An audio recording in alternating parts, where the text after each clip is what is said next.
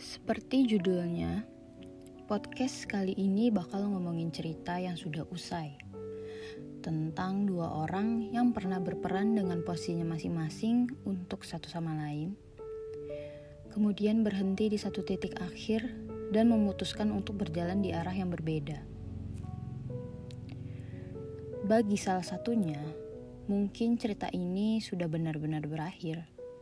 Tak pantas lagi untuk dikulik dan dijenguk barang sedetik pun. Tapi bagi salah satunya mungkin ya belum benar-benar berakhir. Hmm, bisa jadi. Toh perasaan manusia adalah salah satu perihal yang paling rumit. Tapi ketika tulisan ini ditulis, pemilik cerita memutuskan untuk memberikan judul fin atau selesai.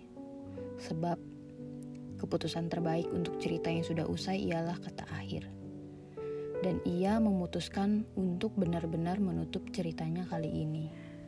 Oh ya, tenang aja. Untuk subjek, kamu gak akan lagi dapat pesan dari pemilik cerita kok.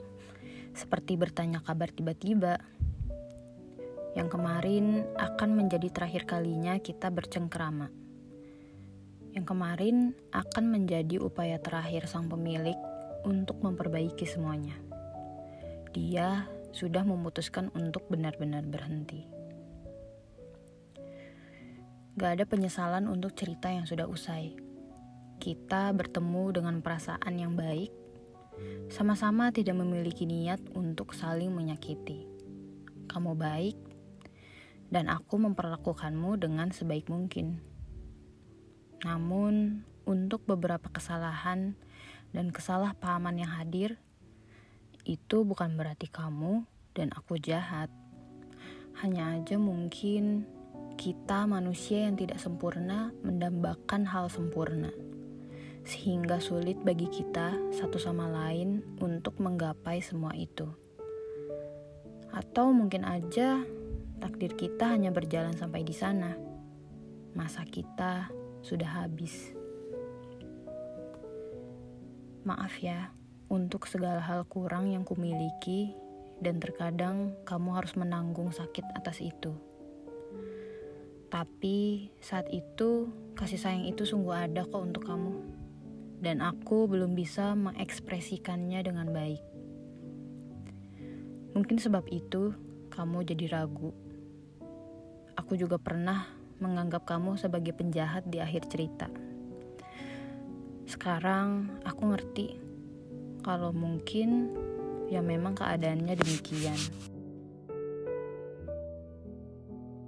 Aku juga udah maafin kamu. Semua hal kecil dan besar yang kamu lakukan dan menyakiti secara tidak sengaja. Semua kebohongan dan kejujuran yang membuatku jatuh tanpa disengaja.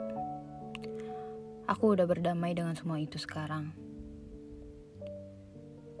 Kita pernah menjadi orang baik dan jahat untuk satu sama lain, tetapi aku berterima kasih.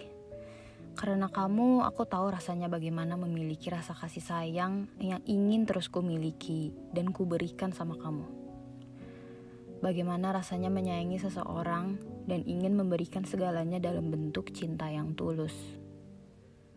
Bagaimana rasanya ingin terus berjumpa selamanya dengan percikan rasa yang tak pernah habis. Bagaimana rasanya mengubah tujuan masa depan demi hidup bersama? Saat itu, aku merasa kaya. Kaya akan kasih sayang yang kumiliki dan bisa kubagikan dengan orang sekitar. Salah satunya dengan kamu. Atas semua kenangan yang pernah dirangkai, aku akan menyimpannya dengan baik-baik di dalam sana. Yang bisa ku kenang saat rindu hadir seperti melihat samar gugusan bintang di malam hari ketika kita sedang menunggu helm kamu dicuci di salah satu parkiran pusat perbelanjaan di Jakarta.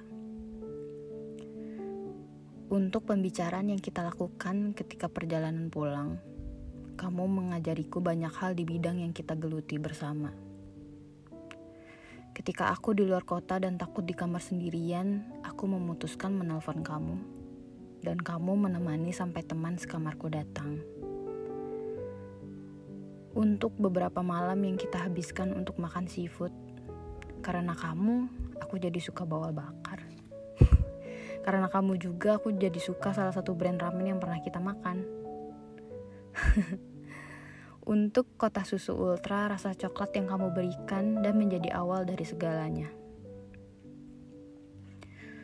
Terima kasih untuk kalimat penyemangat dan notes-notes lucu di beberapa minuman dan makanan yang pernah kamu berikan. Terima kasih sudah percaya dengan membuka pintu rumahmu dan menyambutku dengan sangat baik. Aku membaca dan memahami niat baik kamu sejak saat itu.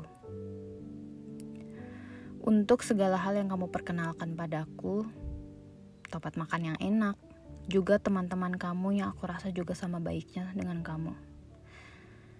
Semoga kita nggak pernah saling menyesali semua yang terjadi. Biar cerita ini jadi pembelajaran untuk kita berdua. Walaupun singkat, mungkin bahkan ini nggak berarti apa-apa untuk kamu, tapi cerita ini benar-benar berarti bagiku. Sebab kini, aku tahu rasanya menderita karena patah dan menikmati semua rasa sakit sambil menunggu ikhlas hadir dalam kehilangan ini. Kamu juga tenang aja, nama kamu ada di dalam doa. Aku berdoa hal-hal baik untuk kamu. Jadi, meski kamu berpijak dalam jalan yang sulit, ada Tuhan yang akan membantumu dari segala doa yang datang. Salah satunya datang dariku. Maka kini aku pamit dari kisah ini. Semoga kamu hidup dengan baik.